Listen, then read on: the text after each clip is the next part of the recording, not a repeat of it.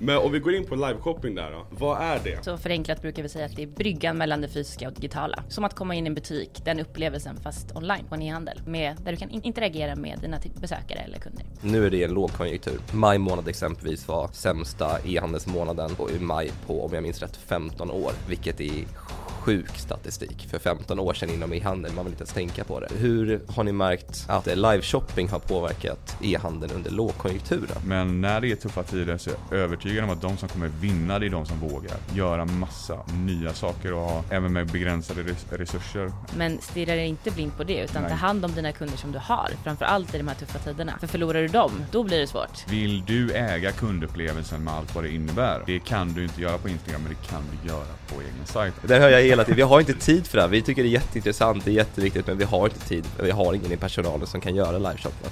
Va, vad säger ni när ni möter en ung Välkomna till e-handelssnack! Tack så mycket! Tack så mycket! Så jäkla kul att ha er. Eh, för de som inte vet, vilka är ni och vad gör ni egentligen på Streamify? Ja, jag kan börja. Malin Berlin heter jag och jag jobbar med försäljning på Streamify sedan ett år och åtta månader. Så snart två år. Okej, okay. coolt. Rickard Lönn heter jag och jag är Head of Sales på Streamify och har varit med i över två år ända sedan vi gjorde en pivot från live streaming, alltså pay per view till live shopping och varit med och byggt upp hela den delen.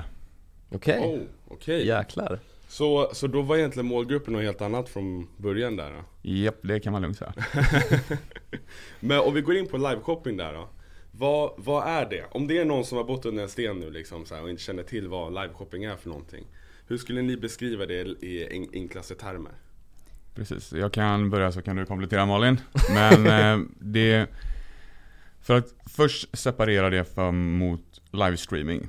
Det är en del. Så att liveshopping kombinerar tre saker. Ett, det är en videoström. Alltså en livestream. Det kan du göra idag gratis på många olika plattformar. Men vi kombinerar det både med CRM och data samt en transaktion. Så att du kan titta på en livesändning, interagera, ge ifrån dig uppgifter, läsa på om produkter, lägga ner i varukorg och checka ut.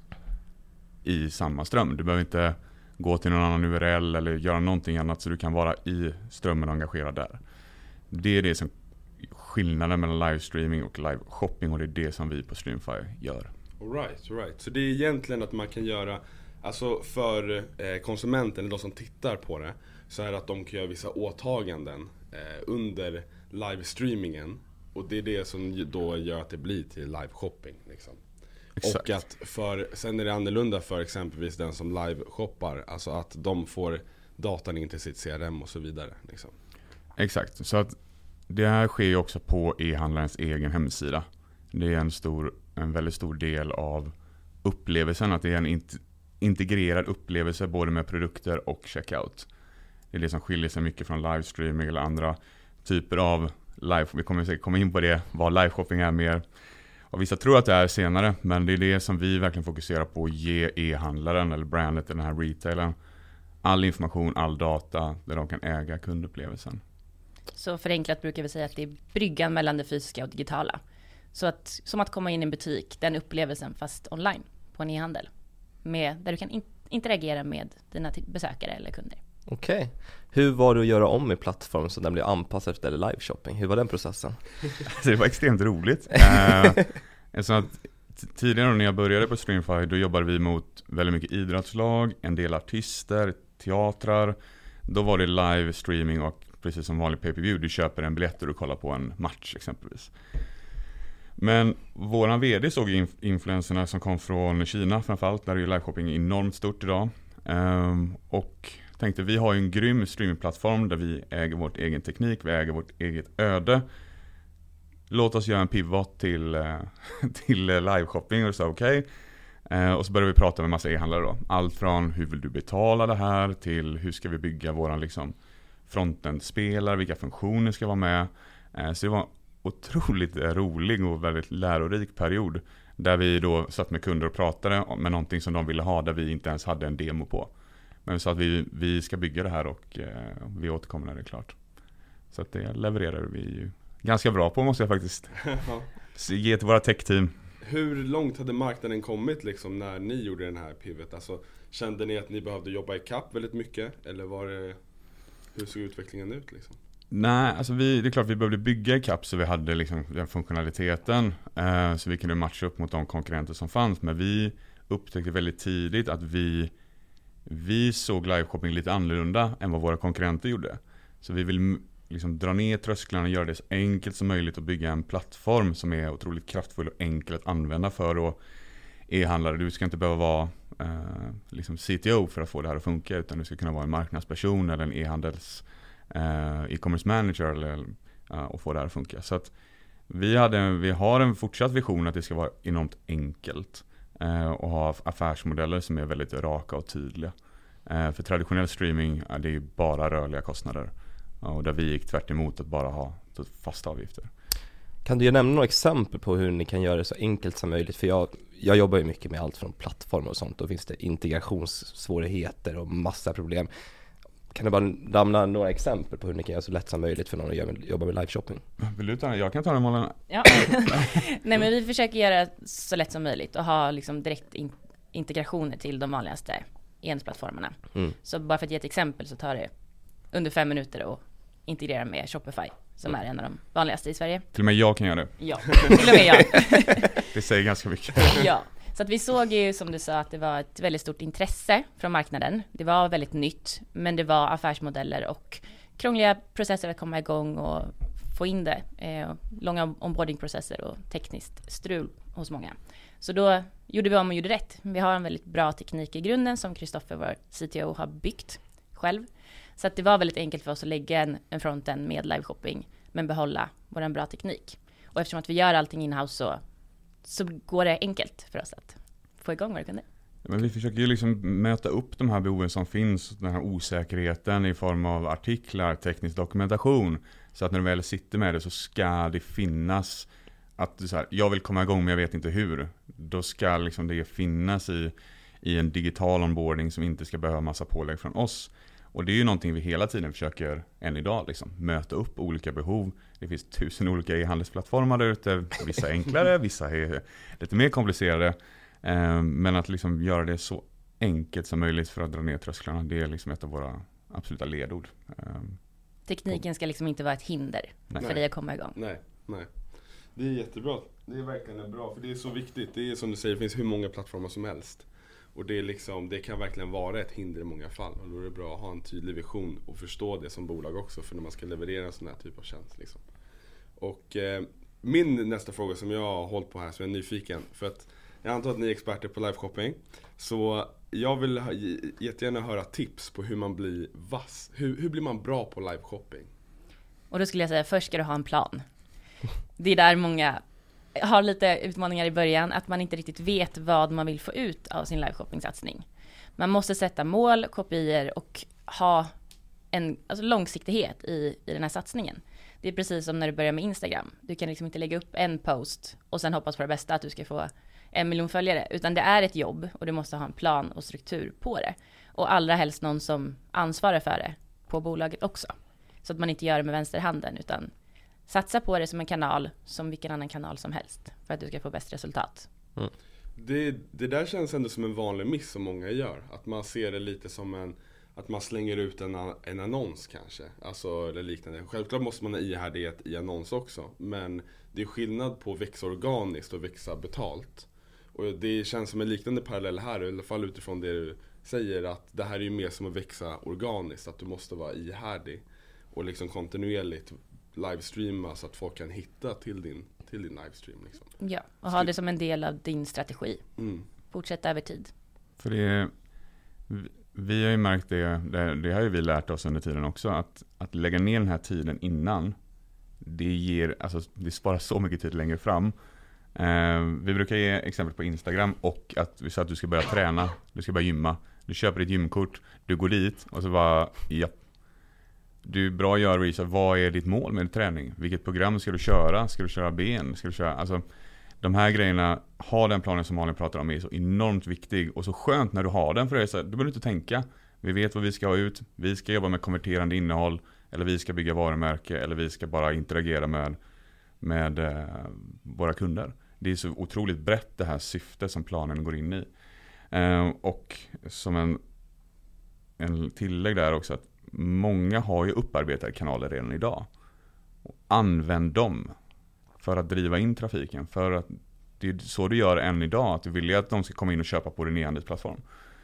Um, så det är egentligen ingenting som behöver vara så jättenytt heller. Det är bara att man ska forma liksom strategin och hitta att okej, okay, så här marknadsför vi alla våra sändningar. Så här tar vi vara på content och vara liksom väldigt strategisk i det. Liksom.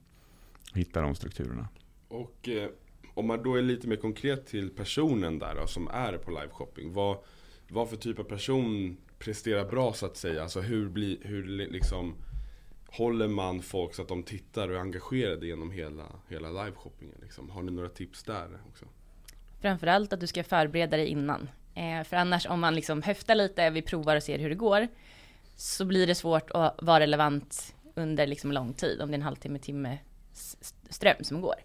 Så att gör din plan och hellre håll det kortare och relevant än att du ska fylla ut någon tid.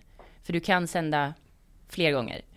Eh, och sen så brukar vi också, första strömmen ger väldigt mycket data och insikter. Så att har man gjort en halvtimmes lång ström så ser man i vårt verktyg, när droppar de av? Håller de sig hela tiden? Ja, då är det relevant troligtvis för din målgrupp. Är det så att de vill ha kortare och mer specifika på en produkt per sändning, så gör vi den strategin istället. Så att man måste nästan prova, det är första steget. Ofta det svåraste steget, att göra den första sändningen. Och sen ser man väldigt tydligt vad som passar. Och gärna fråga rakt ut. Vad är det, vad är det för data som lagras i plattformen då? Ganska, ganska mycket. Nej men eh, det, vi, vi fångar ju upp de här delarna precis så att eh, Innan jag svarar på den frågan ska jag bara tillägg där också. Att de som är riktigt duktiga, nummer ett, du måste vara trygg framför kameran. Om du är nervös blir det precis som att lyssna på någon på scen som är jättenervös. Det är inte bra.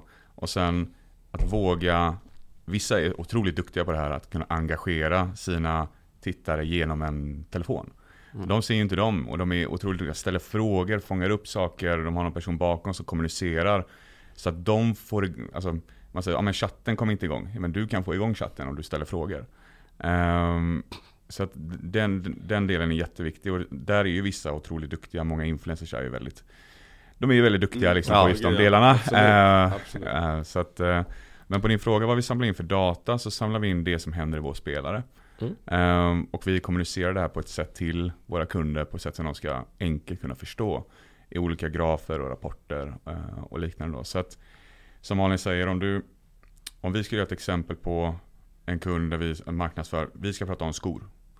Du kommer in i sändningen och det är regnjackor man pratar om. Då kommer folk droppa av. För det var inte därför de klickade in.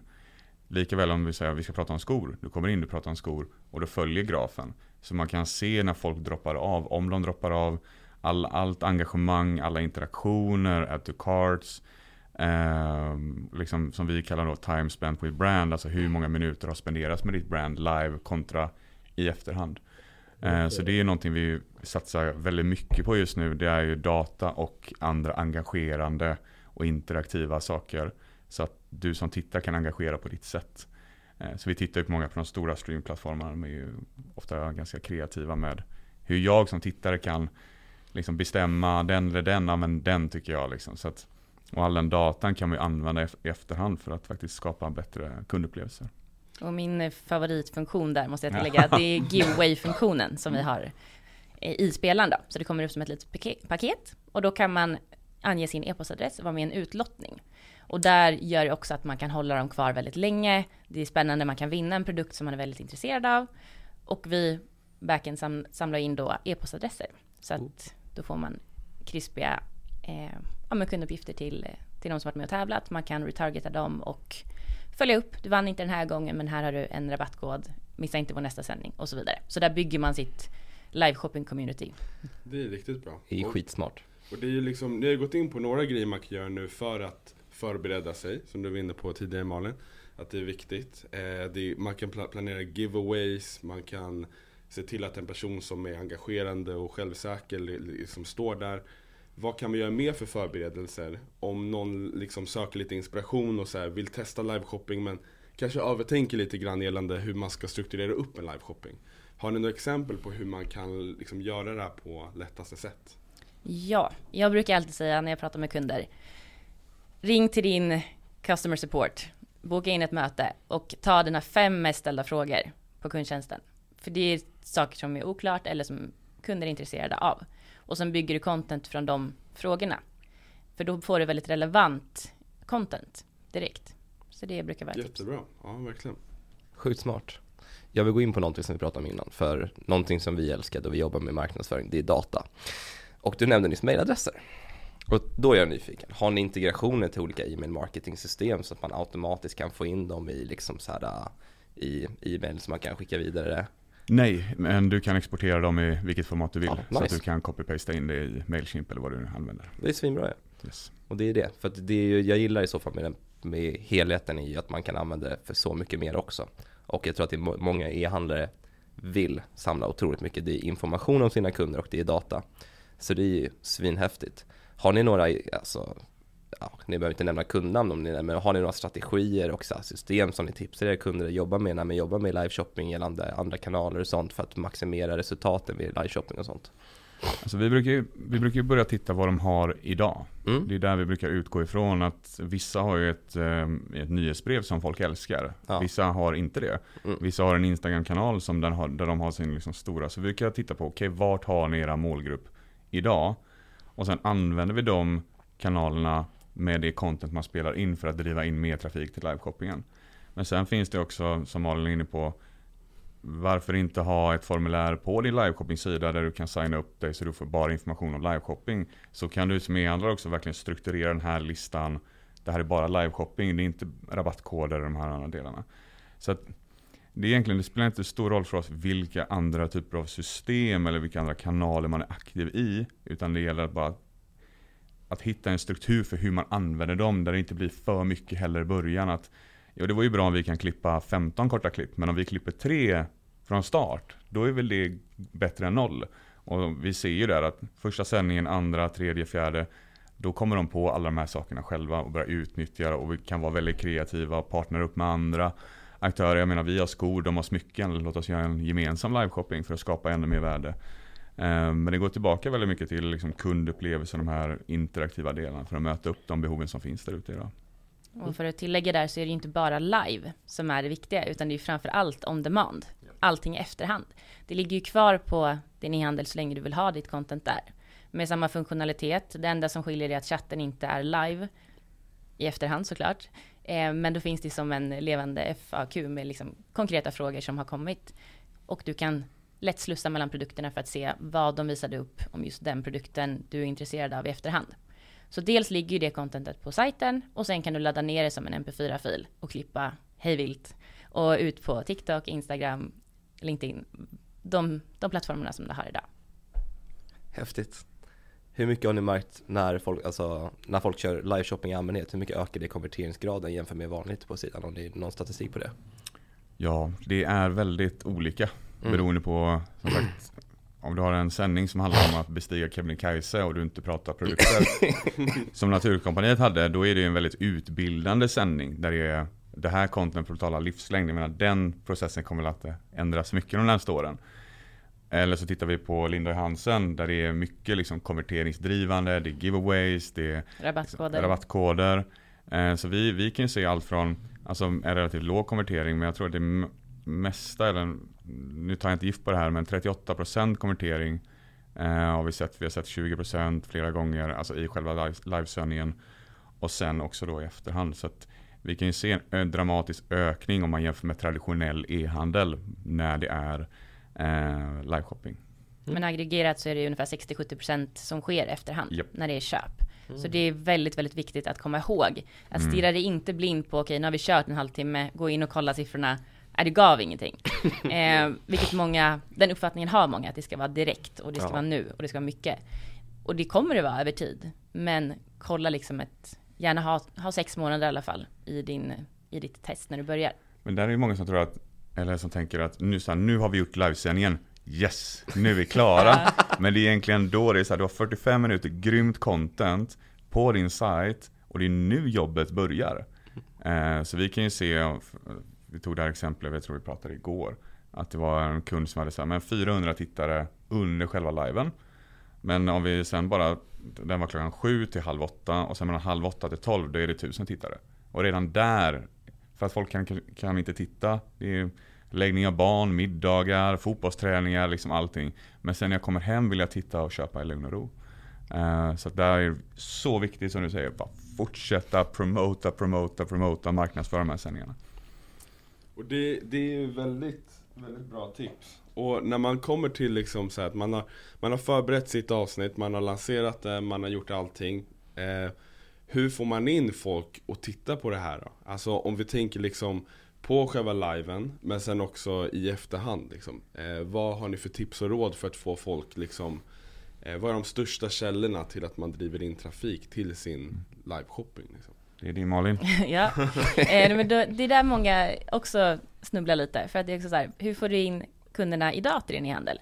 Man tror att man ska uppfinna hjulet på nytt. Eh, men det är oftast som du sa där, att man har oftast ett ja, mejlutskick. Man har en kundbas på uppemot flera hundratusen personer oftast, de vi pratar med. Du har en Instagram-kanal, eh, du har TikTok, du har andra sociala medier. Så där har du ju din kundbas redan. Så att ut där, marknadsför. Du kan inte marknadsföra för mycket. Och tänk på att så här, börja gärna i god tid innan. En, två veckor innan. Framför allt samma dag. Gå live på Instagram innan så att alla får en ping om att du är live. Berätta varför ska jag ta min tid att komma in hit idag? Är det en rabattkod? Är det en giveaway? Är det någon profil? Det måste ju finnas en USP att komma dit. Och sen framför allt i efterhand berätta om att du har gjort det här, klipp ditt content, lägg paid, paid ads på det, skicka ut igen, missade du vår liveshopping i ett nyhetsbrev. Så att det är en hel cirkel eh, och recycla, recycla contentet även i efterhand. Så lägga till där också Malin, du, du har ju hjälpt jättemycket kunder med just detta. Ehm, um, men just att lägga det på sajten så det är enkelt att hitta. Att lägga det i foten det är ingen bra idé. ehm, och vi kan se, vi hade en kund som liksom la det typ 3-4 klick bort och sen sa men lägg det bara på startsidan sen, nu med nästa sändning. Alltså på själva hero-sidan. Ehm, de hade 325% mer tittare på en dag än en månad.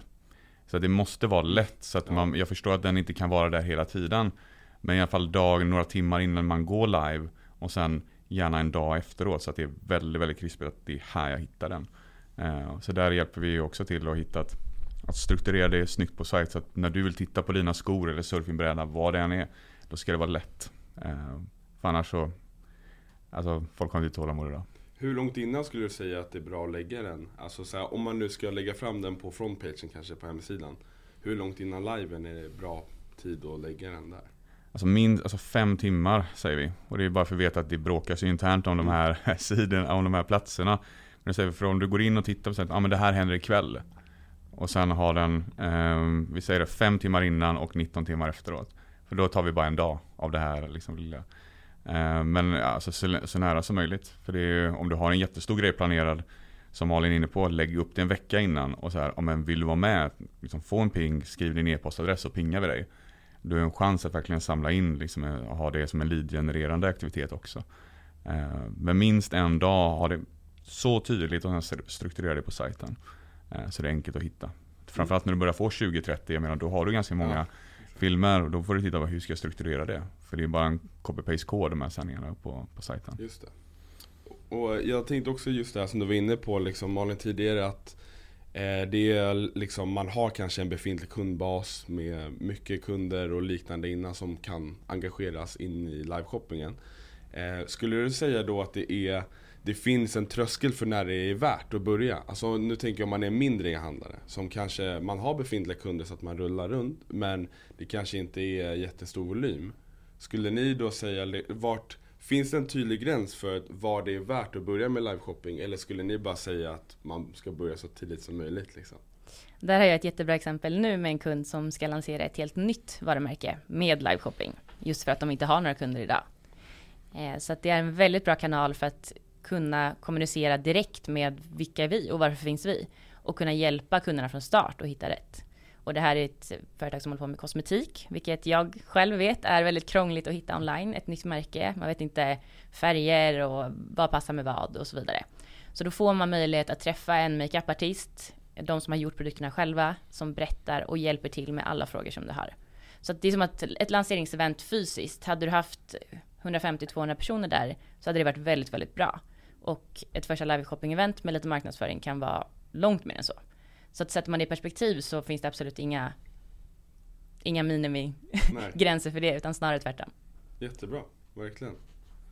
Största invändningen jag har mött, för vi, vi har ju kunder som jobb, som driver e-handel liksom.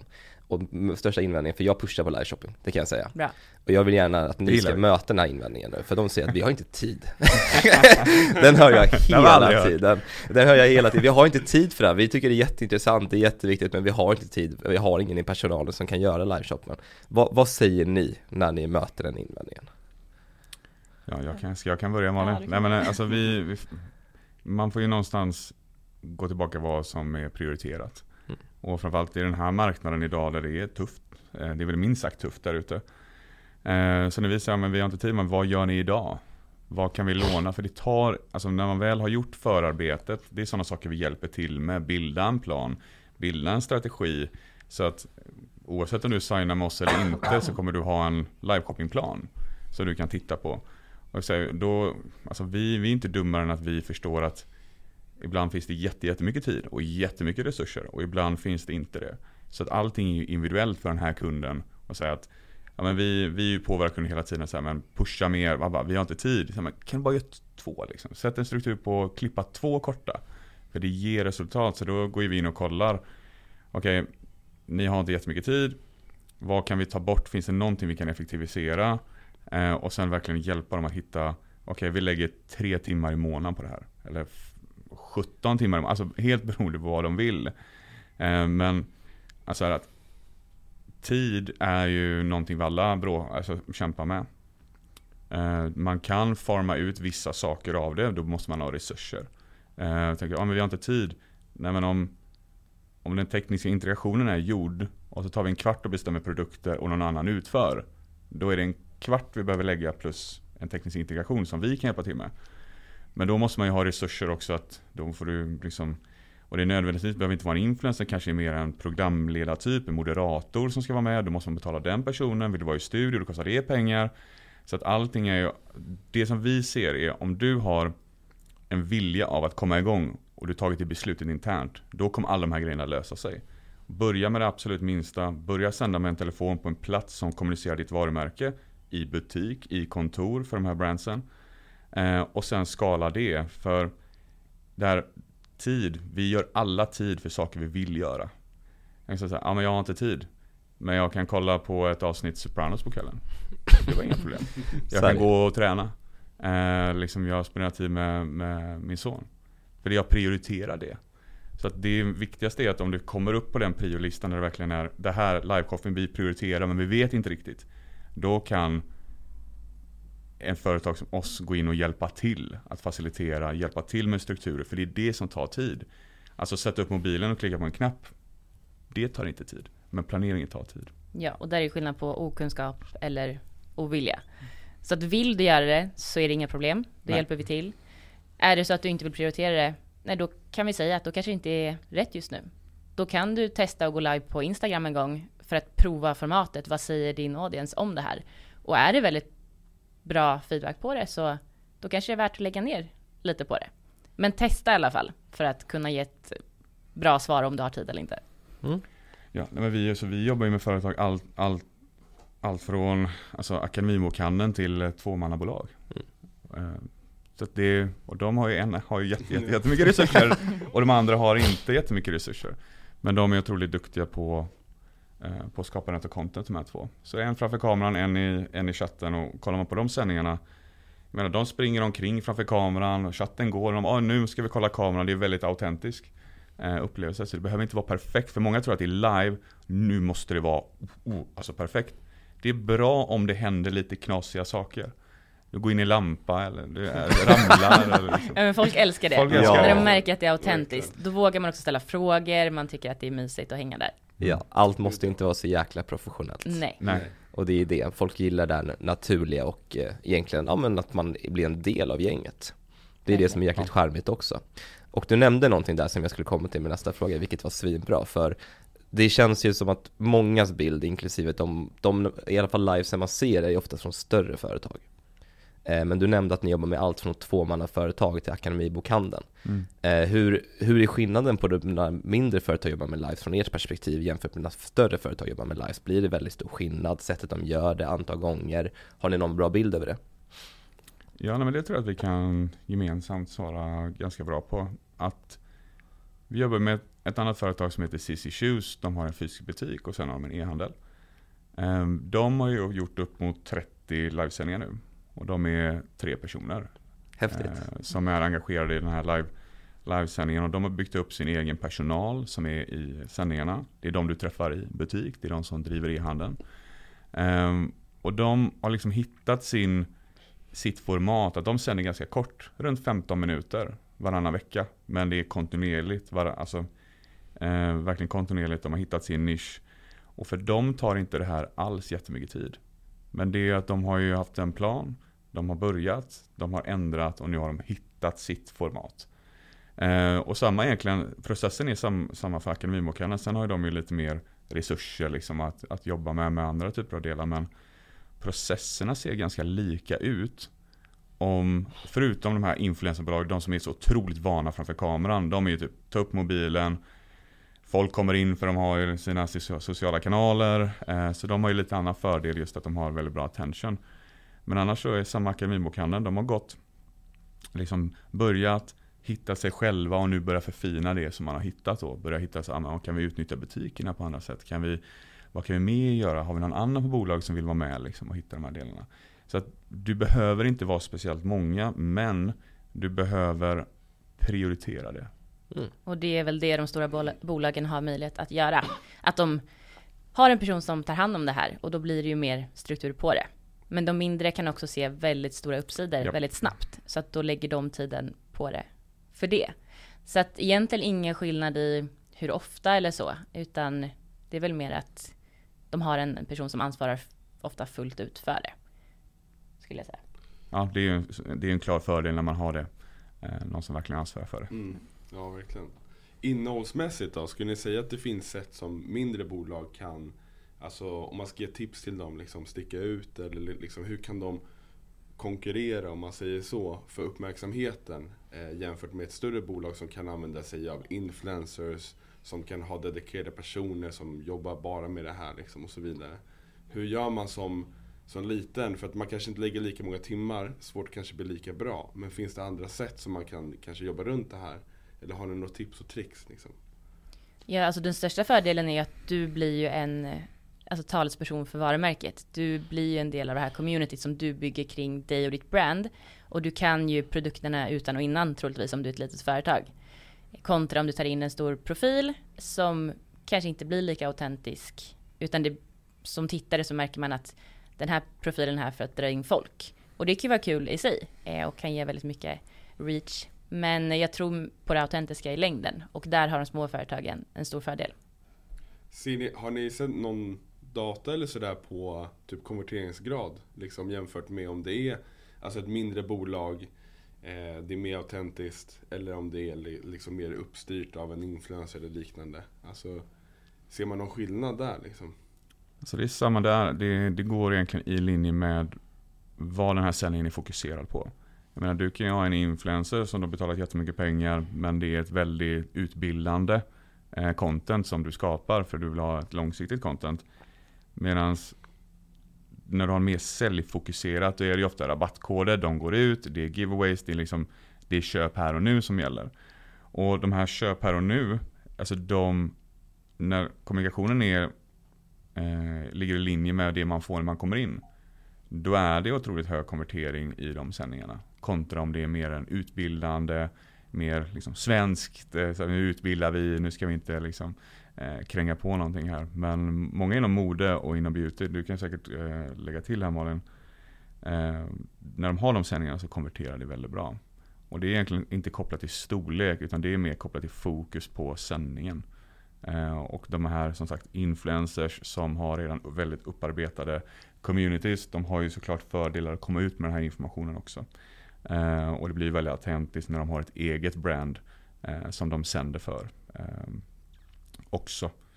Eh, och inte lägger liksom lika mycket pengar i marknadsföring som kanske de, de större eh, fashion brands gör när de har en, eh, en livesändning. Nice. Du har jobbat inom retail Malin, så du... Ja, och när man tar stora profiler så kostar det ju en hel del pengar. Så att även om du får mer försäljning så måste du ju betala den här profilen också. Så att slutraden, ja, långsiktigt kanske är bättre för de små om de gör det här över tid och bygger upp det.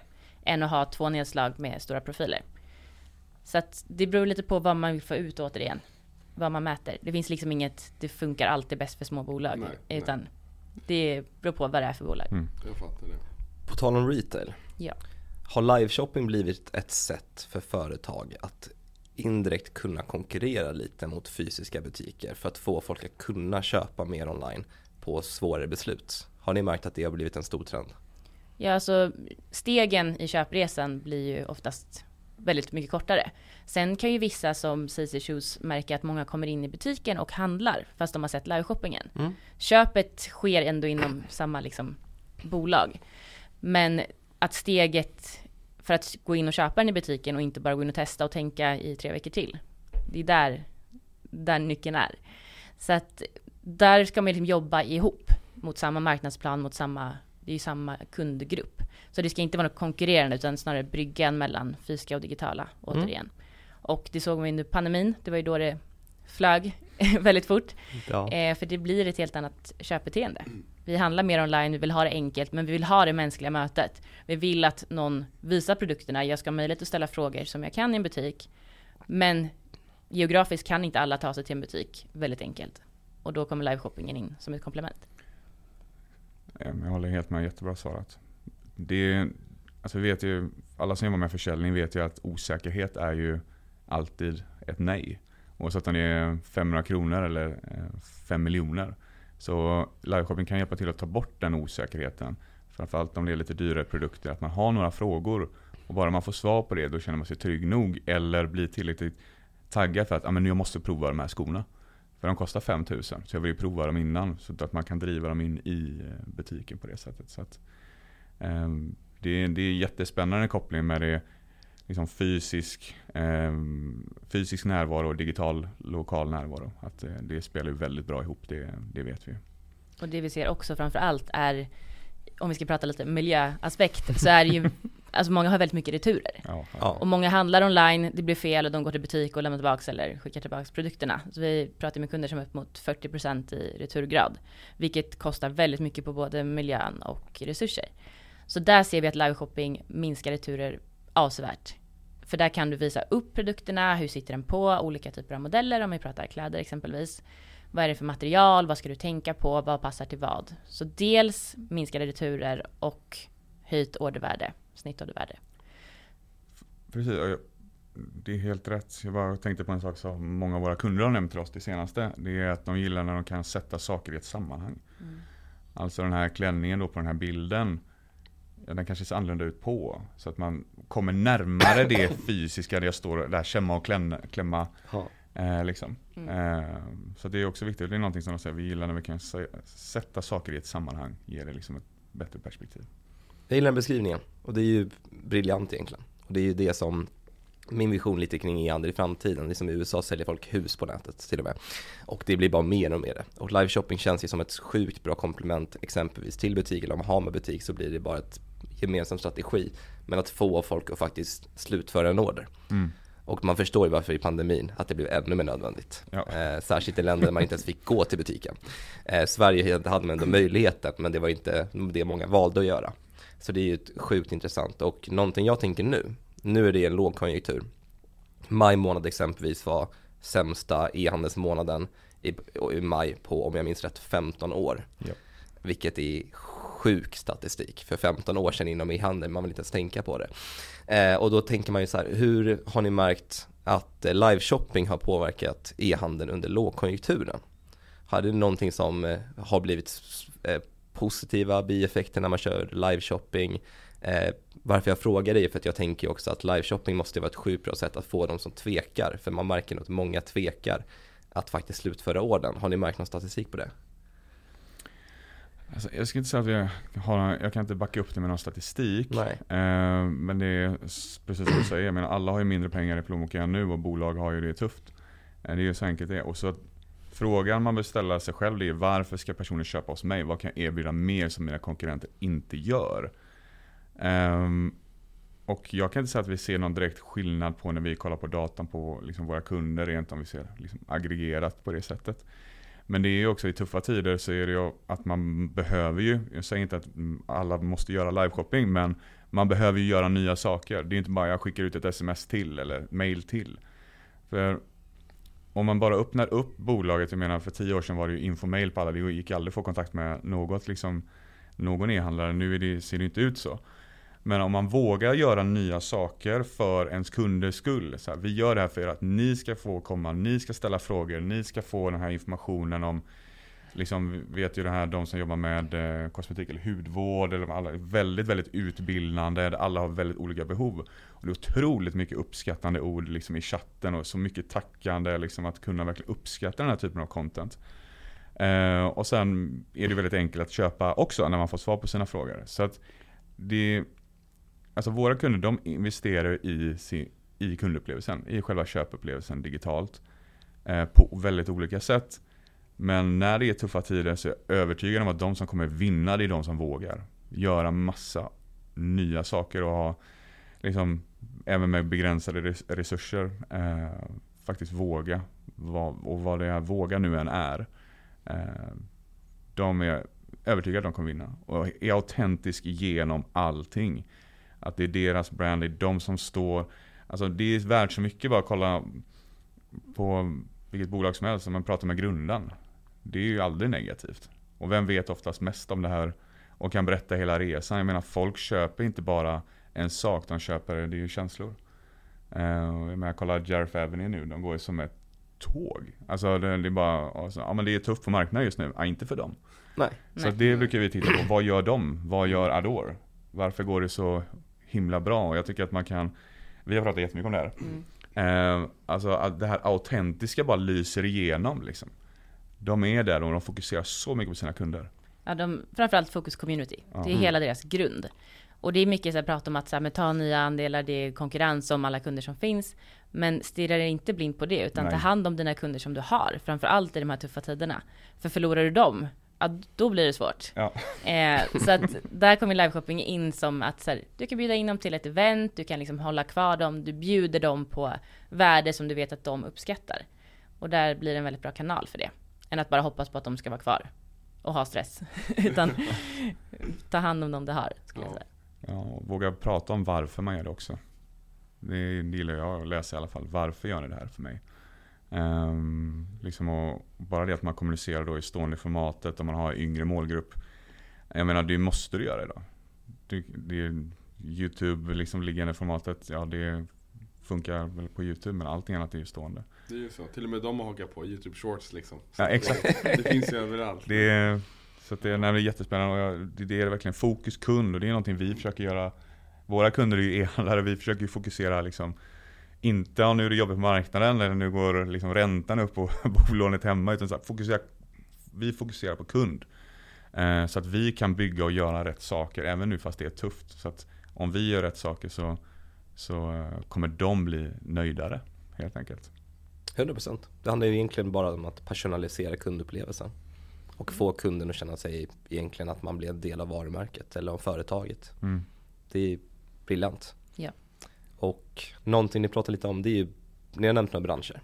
Ni har nämnt, nämnt bland annat kläder, ni har nämnt lite olika industrier. Har ni märkt att det finns några branscher som har lite extra gynning när det gäller liveshopping? Alltså som vi var inne på, det har ju kommit längst i beauty och fashion. Ja. Eh, det är ju ett lätt, ett lätt segment att göra liveshopping inom. Det finns mycket produkter, mycket frågor och man kan styla det med mycket olika saker ihop. Eh, men sen ser vi ju väldigt mycket nya branscher komma också. Eh, framförallt fordon, bilar. Och där är det inte att du kanske spontant köper en Porsche i liveshoppingen utan Köper direkt liksom. Ja, kanske någon. Men eh, där är det ju mer att du kan boka en provkörning, du kan få all information om bilarna istället för att du ska flänga runt bland massa bilhandlare och testa det här så kan du istället få upplevelsen online först för att sen veta att de här två bilarna vill jag provköra. Så att det går egentligen jättebra för alla som har kunder som behöver kommunicera med sina kunder och ge någon form av information. Så livsmedels branschen, med hur du liksom lagar en matkasse tillsammans med någon som kan. Och du kan till och med nu idag få hem matkassen medan liveshoppingen är, så att ni kan laga tillsammans. Så att det finns väldigt stora möjligheter. Rekrytering är ju några av våra kunder som använder liveshopping som ett Mm. verktyg Mm. inom. Och där kan du då träffa de du ska jobba med, ställa frågor till dem, höra mer om tjänsten, än att du läser tre rader på ett papper och vet inte riktigt vad du får. Mm. Så att, mycket spännande på gång. Det är jättebra. Och en följdfråga till det, det är Upplever ni att det är någon bransch som För det är alltid lite eftersläpare liksom Är det någon envis bransch där ni som liksom är insatta ser att Vilken potential de här har om de bara förstod liksom Ja. Det är alltid så nej, men- nej men det är, det är och, Alltså branscher som, som är väldigt spännande det är ju hobbyindustrin Jakt, fiske, golf Alltså de industrierna är ju Otroligt spännande för att det är Alltså Det är så mycket grejer du behöver Jag menar fiske, jag är ju en dålig hobbyfiskare själv Jag har så mycket grejer Spön, jag vet knappt vad hälften liksom är, är till men och golf, gammal golf, vi är båda gamla golfare liksom Stensson lär ut bunkerslag och säljer wedgar. Jag har svårt att se hur det inte skulle liksom slå. Eh, att folk hade köpt wedgar som galningar för att ha chansen att vinna en signerad keps liksom. Eh, nu är inte han så populär med Liv, men nu är han tillbaka igen så det är lugnt. eh, men alltså de industrierna där det kommer in i hobby eh, där tror jag att vi kommer se ett otroligt, de närmsta fem åren, att det kommer ta sig in där. För de har så sjukt starka communities redan idag. Alla golfklubbar, jag menar tidningar, det går ju fortfarande ut liksom fysiska tidningar. Så att där tror jag det finns en jättestor möjlighet. Nu säger jag, vi har ju varit i kontakt med många. eh, Men eh, så gäller det passning här att det finns också en väldigt, väldigt bra möjlighet att vara ganska först i detta. Och där har vi en köpstark målgrupp. Trots Ja. tuffa tider så spelar du golf, du fiskar och du går på jakt. Ja. Så att eh, där gäller det verkligen att ta hand om dem och eh, ja, hjälp dem att hitta rätt helt enkelt. För de, de lägger pengarna på de sakerna som de vill. Och de behöver ju ofta, alltså, du kan ju bli verkligen en kunskapsbärare för alltså golf. Ofta är det ju små, små saker inom golf. Händerna här, händerna där, vikten där. Som också gör att man får mycket, mycket, mycket bättre resultat. Eh, Och där finns det ju hur mycket content som helst. Alltså fiske med. Jag menar, det, finns, det är världens största, fiske är världens största hobby globalt överlägset. Så att, eh, men jag menar, de är ju väl ute och fiskar, men jag tror att det finns jag tror vi kommer se spännande saker inom de Mm. industrierna. Det är jag övertygad om.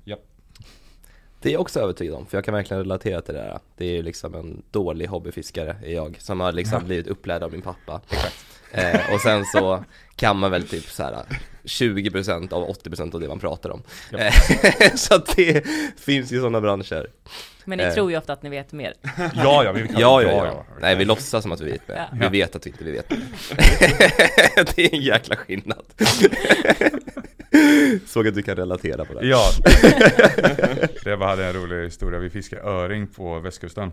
Okej. Eh, så skulle vi åka ut och fiska. Så kom våra nya granne ut och bara "Ja, var, var, Vart ska ni? Han såg att vi skulle fiska. Han bara, "Ja, men vi ska åka ut och dra öring. Och han bara, nu? Vi bara, vadå då? Han bara, nu kommer ni inte få någonting. Och sen då pratade han varför och vi typ stod där bara, okej vi, vi kände oss ganska dumma liksom. Och vi har gjort det här hela i 20 år. Samma tid. Mm. Ja, nej det är ju det. Alltså det finns ju hur mycket som helst att lära sig inom de där branscherna liksom. Ja. Så att det, det är ju mycket som, alltså jag blir nästan förvånad över att höra att de inte jobbar mer med liveshopping. Eh, och, eh, men eh, det är ju förmodligen, eller garanterat någonting som kommer komma mer och mer i framtiden. Eh, är det några andra liksom trender och sånt som ni ser kommer komma och växa sig starka inom liveshopping nu närmsta tiden? Ja, alltså jag skulle säga att det kommer flyga ganska snart inom matvaruhandeln. Eh, den såg vi verkligen blev digital under pandemin. Och inspiration behöver du där. Men allting nu är i fysiska artiklar, bloggar, recept. Så att det kommer bli digitalt inom en snar framtid, är jag övertygad om. Mm. Jag, jag tror att vi kommer få se mer eh, eh, smarta partnerskap också.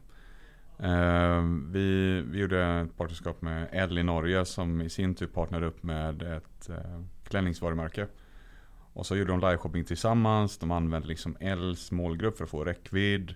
Eh, drev trafiken tillsammans till det här liveshopping-eventet. och det blev minst sagt lyckat. Det kommer ett case på det snart.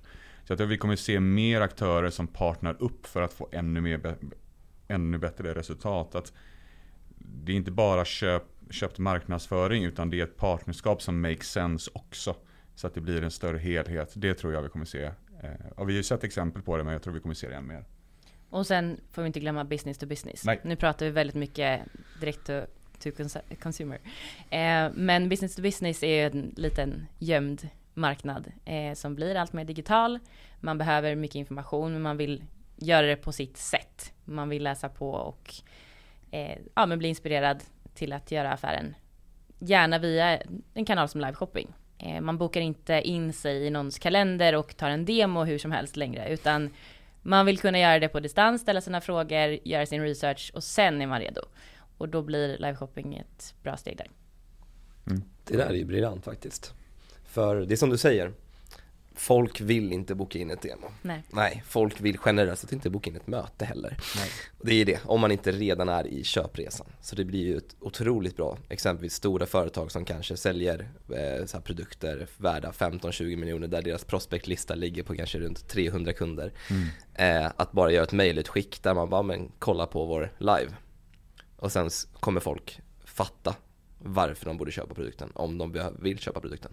Vi gör ju det själva med våra egna webbinar. Ja. Där vi bjuder in gäster och pratar om olika topics som vi vet är relevanta för vår målgrupp.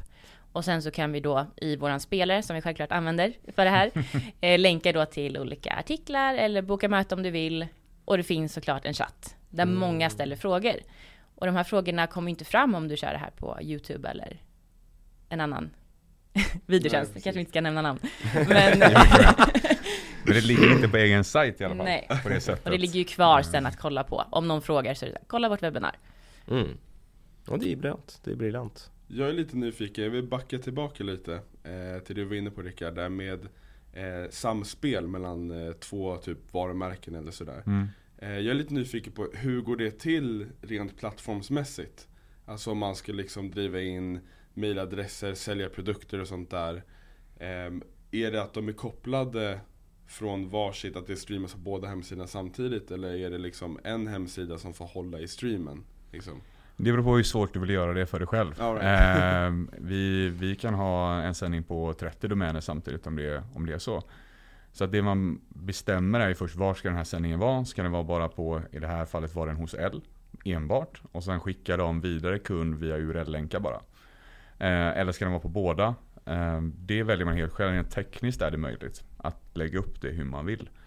Um, så det är ett beslut man behöver ta gemensamt vad man tycker att det ska vara.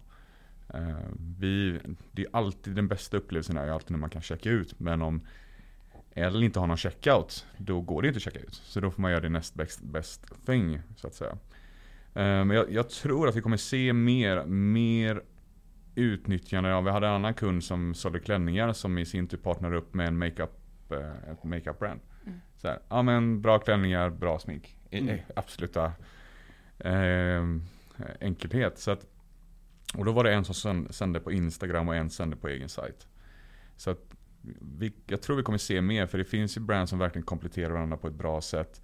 Och där man verkligen fokuserar på kund. Liksom om det är en outfit, eller det är en skolavslutning, eller det är bröllop, eller vad det nu än är.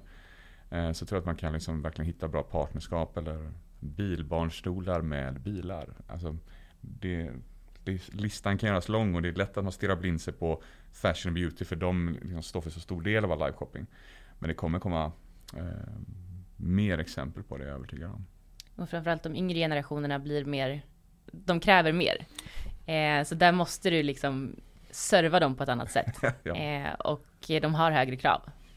Så att eh, det är väldigt, väldigt smart. Om du riktar dig mot samma målgrupp, ta två coola brand och gör det ihop. Mm. För då kommer troligtvis de köpa från er båda och det kommer gynna er. Häftigt. Är det no har ni några exempel på några riktigt bra collabs? Ja men det kan man väl säga LA Cosmetics och eh, Adore. Mm. Så där är kosmetik och klänningar två stora profiler som gick ihop. Satt och sminkade, bytte om, hade olika klänningar. Det var väldigt, väldigt inspirerande. Häftigt. Mm. Hur gick det till? Sänder de på alltså, eh, båda plattformarna samtidigt? Eh, hur Nej men det var funkade de som Rickard sa, som det, Adore mm. körde på sin e-handel Ja. och de körde på Instagram. Yes. Så de fick ju väldigt stor reach. Mm. Och då det. länkade också Adore till deras produkter. Mm. Så att de hade liksom ett verkligen fokus på kund. Här är det vi visar upp liksom. Här hittar ni det.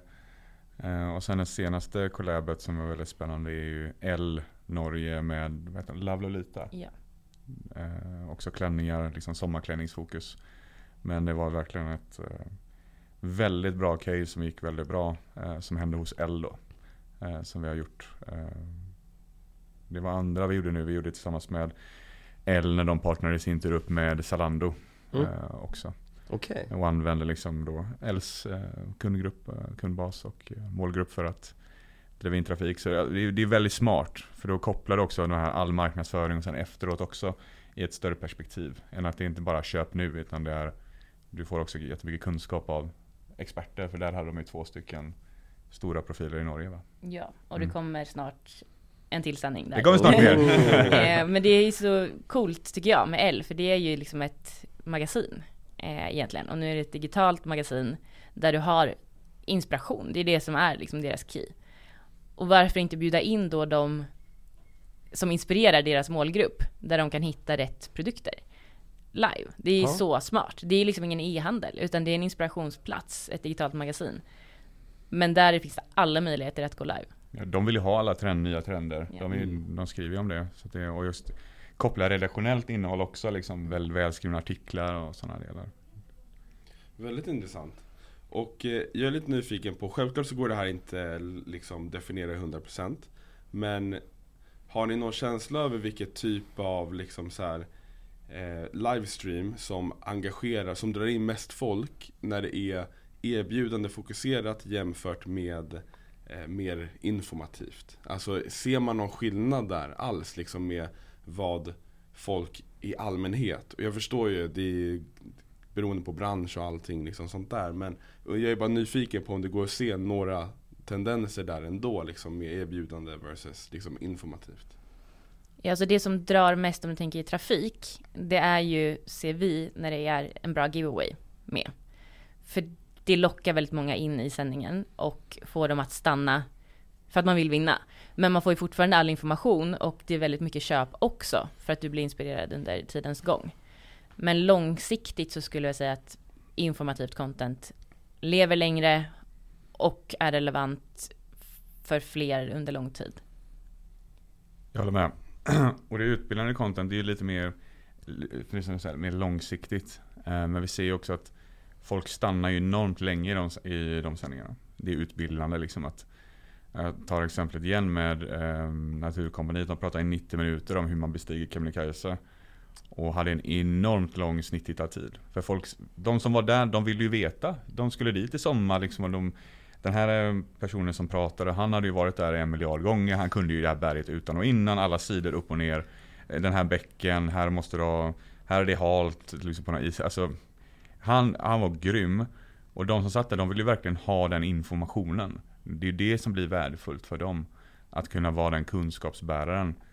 Kopplat mot, det är en bra deal. Det är en giveaway liksom. Det är en annan typ. Men båda de fungerar väldigt väl. Det utbildande innehållet och som Malin sa. Det är jättesmart, verkligen. Alltså, det Briljant. låter som en superbra idé verkligen. Men hur, hur kan så här, ett mindre klädmärke som säljer klänningar, hur kan de göra någonting?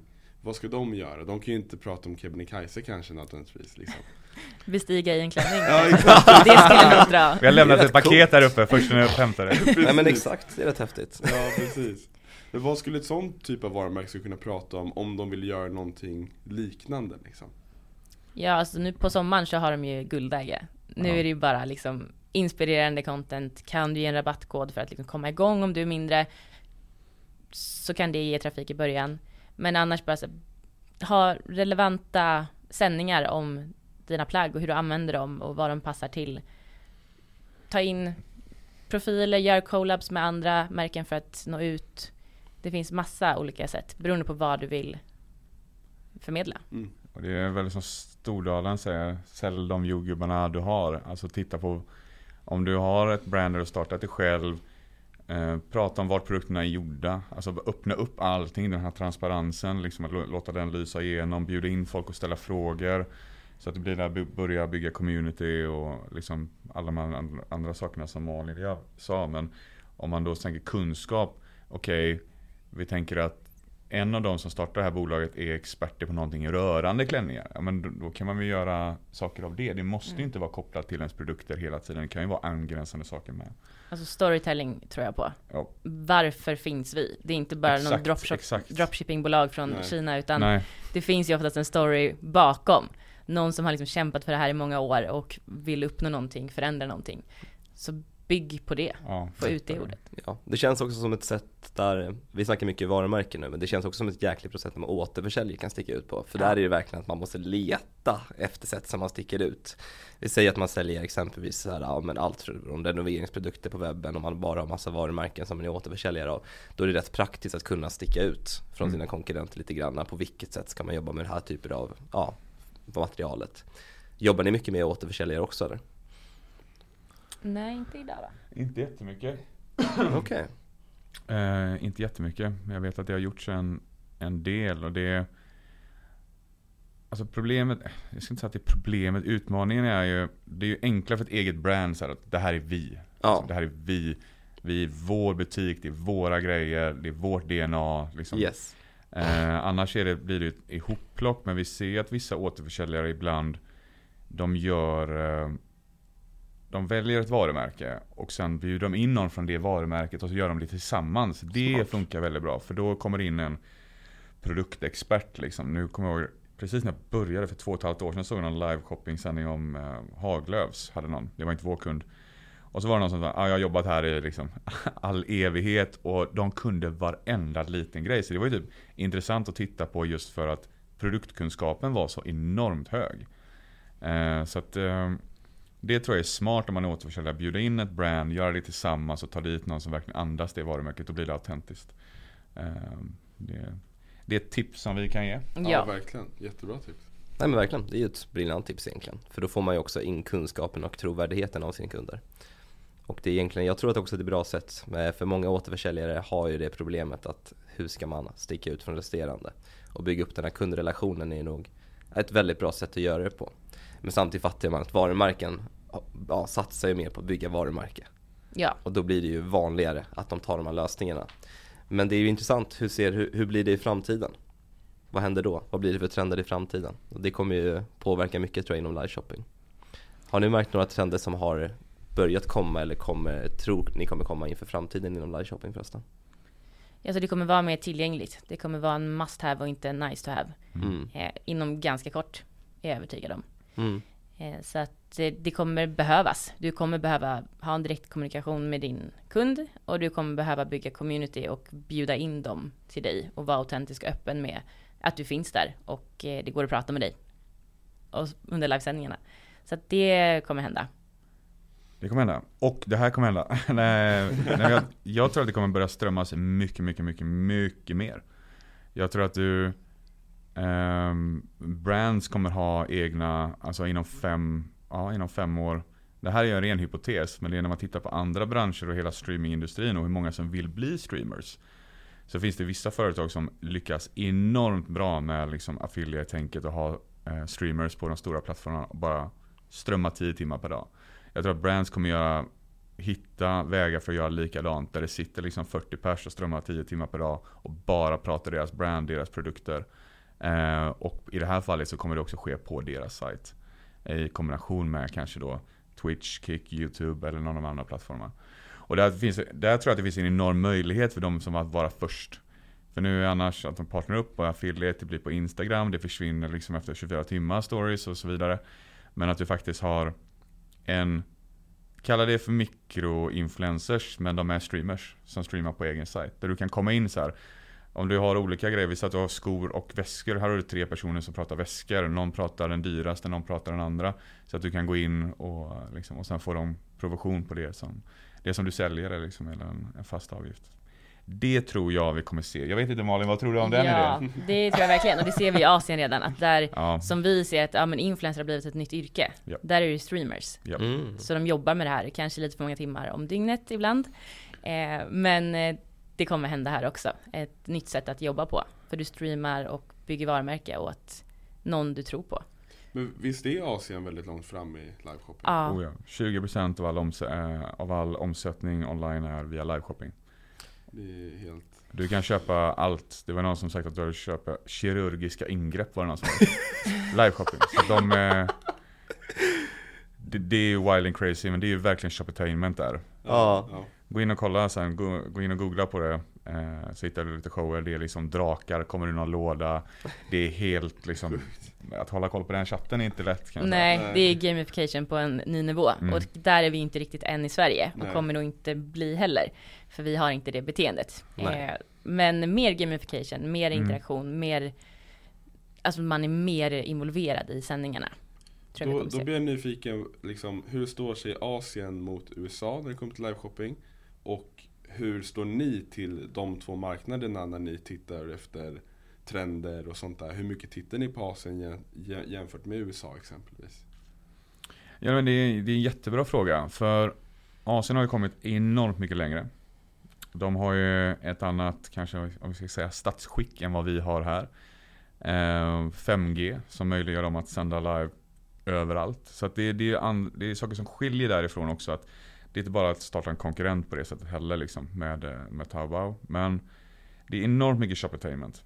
Det är liksom helt wild and crazy och de är ju, som du säger, de är ju megastjärnor de här eh, streamers, de här live shoppers eller vad man kallar dem för.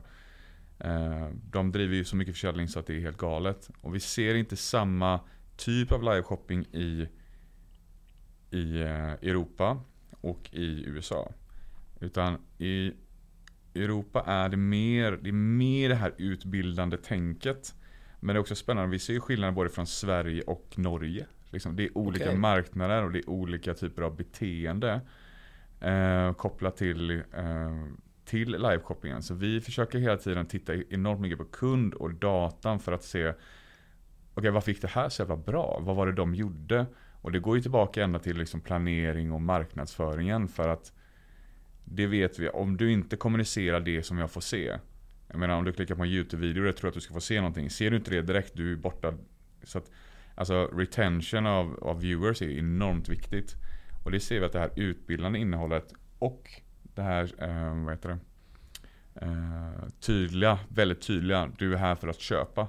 Men svävar du däremellan och det är så här, ja men nu, nu ska du komma in här och, men, men du ska inte köpa fast när du väl kommer in så är det bara köp. Det gillar inte folk. Eh, och sen Europa, Asien, Europa och USA är ganska lika eh, när det kommer till liksom liveshoppingen och det är andra delar som spelar in där med både data, GDPR, andra typer av delar. Men eh, vi ser att det växer på, på alla marknader. Eh, gör vi. Och framförallt att det växer i USA. Mer än vad det växer i, i Europa och i Asien just nu. Du, så, du sa att ni kunde se skillnaden mellan Norge och Sverige bland annat. Vad skulle du säga är största skillnaden bara mellan de två länderna Det exempelvis? är mer köpfokuserat i Norge. Okej. Ja, och de är ju där vi var kanske för ett, två år sedan nu. Mm. Att det är väldigt hett, väldigt nytt. Eh, man ska prova. Vi är väldigt många norska kunder nu. Mm. Eh, så att det är jättekul. Och de gör det väldigt bra och det är väldigt uppskattat av den norska publiken. Det är lite mer, du är där för att handla. Ja. Alltså mer. Ja. Du får Eh. träffa ditt brand eller din profil live. Och det uppskattas väldigt mycket. Intressant, intressant. Och hur, hur länge har ni sett det här? Alltså den, det beteendet så att säga. Alltså hur länge har ni jobbat med det? Är det ett år typ eller är det? Alltså sen vi började med liveshopping har vi Ja, varit det- tvungna att kolla beteenden. Och i början var det ju Asien vi fick liksom mest kolla på. Eh, och då var det fortfarande väldigt nytt i Sverige. Men nu har det ju gått väldigt fort. Mm. De flesta stora aktörerna har ju, har ju kört liveshopping. Mm. Just det. Men jag, jag tänkte lite mer på när ni eh, valde att fokusera mycket på Norge liksom, och etablera det där. Liksom. Mm. Eh, var det också från, från start eller var det liksom, är det senaste året som ni började? Senaste halvåret. Senaste Eh, halvåret? Mm. ska jag säga. Eh, och det var ju mer att vi fick, eh, började få förfrågningar därifrån. Och eh, hade bra relationer med, med L och, och några andra bolag. Och då valde vi i, liksom i aktivt att lägga fokus där. Eh, och det har blivit väldigt bra för oss. Jag menar det, det är grannlandet, allting är rätt så, rätt så lika. Alla som är från Norge är så otroligt trevliga att ha att göra med också. Ja. Så att, eh, men det har, gått, det har gått fort, men det är, det är ju någonting vi, de första sändningarna vi, vi liksom gjorde reflektionen över att det är mer säljdrivande än kanske då utbildande så, som det är här i, i Sverige. Med intention att mer köpa än att bara titta, ta in information. Mm. Vi leker med tanken att jag har ett eget varumärke då och vi är redan etablerade i Sverige. Vi försöker komma ut internationellt. Kommer ni komma med på resan då och komma med råd och tips eh, för olika marknader? Om jag vill exempelvis börja med liveshopping i Norge, Danmark, Tyskland. Eh, Hur funkar den processen? Ja, vi har ju sett väldigt mycket Ja. eh, på de här två åren. Så Yes. vi kan ge väldigt mycket tips och råd. Sen kommer vi aldrig säga att du ska expandera i Tyskland nu. Nej. Utan det får ju du Det får någon annan göra. Nej men det är, Eh, men vi Det kan ge goda råd Ja. eh, till det och där vi ser att det funkar. Och sen så som sagt, det är väldigt enkelt att eh, testa på olika marknader, olika domäner och så får man testa sig fram helt enkelt vart det, det funkar. Så Mm. rent tekniskt är det inte svårt utan vart vill ni expandera? Vi provar det om ni vill det och så ser vi. Och för att lyssna på dem, liksom, om du har människor från de här lokala marknaderna, lyssna på dem. För det som fungerar liksom här behöver nödvändigtvis inte fungera i liksom Berlin och i Berlin är det skillnad från om du åker ner i söder. Alltså det är, så är det är det. så stora områden så att verkligen ha re- respekt och, och gör din research kort, alltså innan i liksom planeringsfasen. Så här att ja, men vi ska lansera tre nya marknader. Lägg den tiden för att verkligen kolla av. Och vi kan alltid stötta upp, stötta upp med statistik, alltså koncept och liksom andra eh, referenscase och sånt på olika marknader. Men det skulle jag säga är jätteviktigt att du, eh, man har respekt för den lokala marknaden. Att bara för att vi har en influencer i Sverige behöver den sändningen, det är ingen som vet vem det är i, i Tyskland. Liksom. Eh, så att då, då kan man vara smart och hitta lite profiler också i de här marknaderna. Som hjälper till att få en flygande start för de är välkända där. Eh, och sen skapa den upplevelsen på sajten med, med språk. Liksom. Om du går in i Tyskland så är det bra att ha det på tyska. Eh, jag Vet bott- du av erfarenhet? jag har bott där ett och ett halvt år. Det var, Ja. en, det var en i mitt lag som pratade engelska. Liksom. Ja, Så att, eh, Och sen, ja men lägga till där också, framtiden kommer ju vara också att du går live på dina nya marknader för att sen veta vart du ska öppna dina pop-up butiker eller butiker. För då vet du vart intresset för dina produkter finns som mest. Så att det är väldigt smart innan man bygger upp massa butiker och så funkar inte hälften. Så börjar man liveshoppingvägen istället och se vart du har din audience. mm. det är smart. Så det är egentligen ett sätt för att identifiera vilka marknader som är relevanta att kunna öppna upp i. Ja, det kan det vara. kan göra en enklare geomapping. Ja.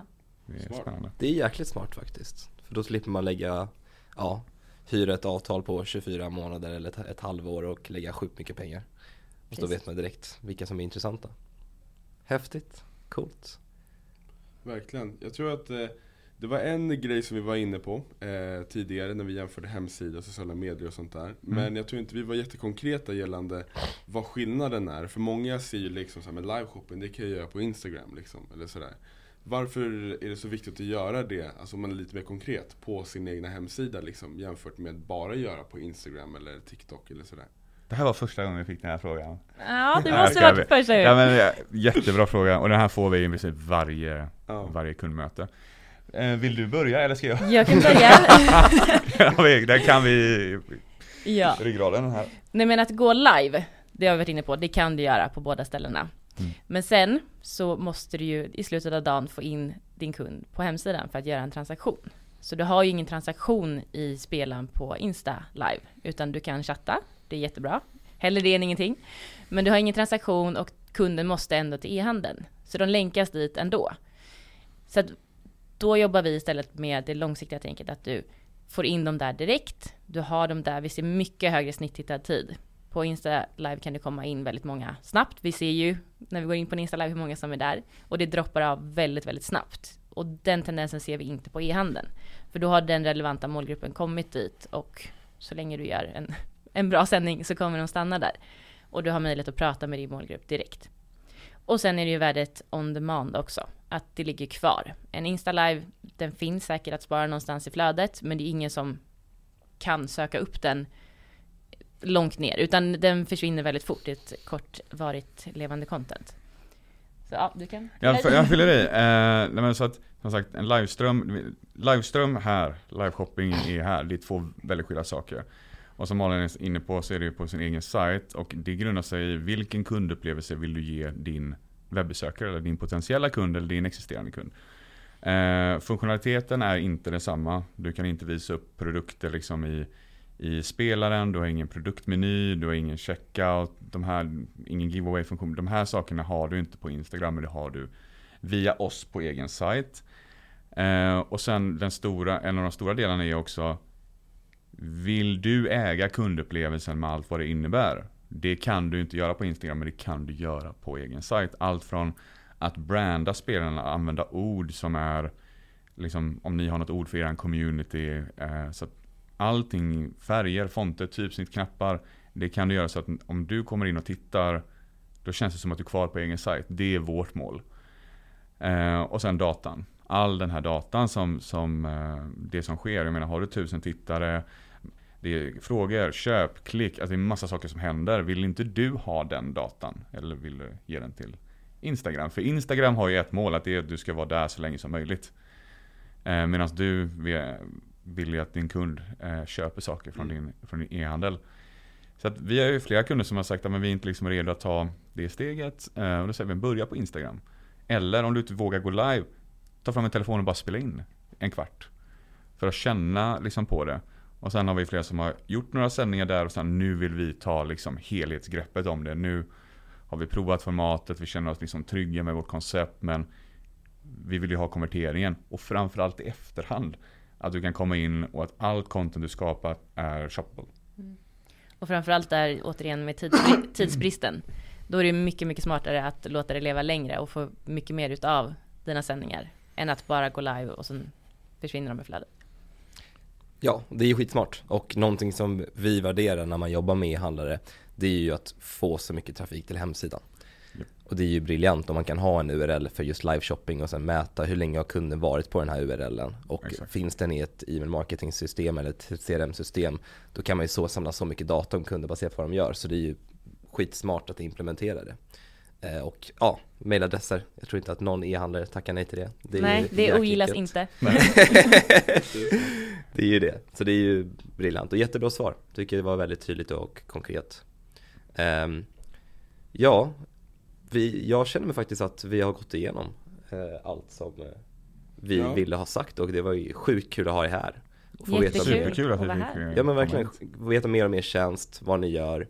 Eh, och då är ju sista frågan egentligen om man skulle vilja ta kontakt med er för att boka in ett möte eller kanske Som ingen skippa vill. möte och kolla på en av era lives. Exakt. Men eh, vi leker med att någon vill ta kontakt med er. Hur gör man det på lättaste sätt?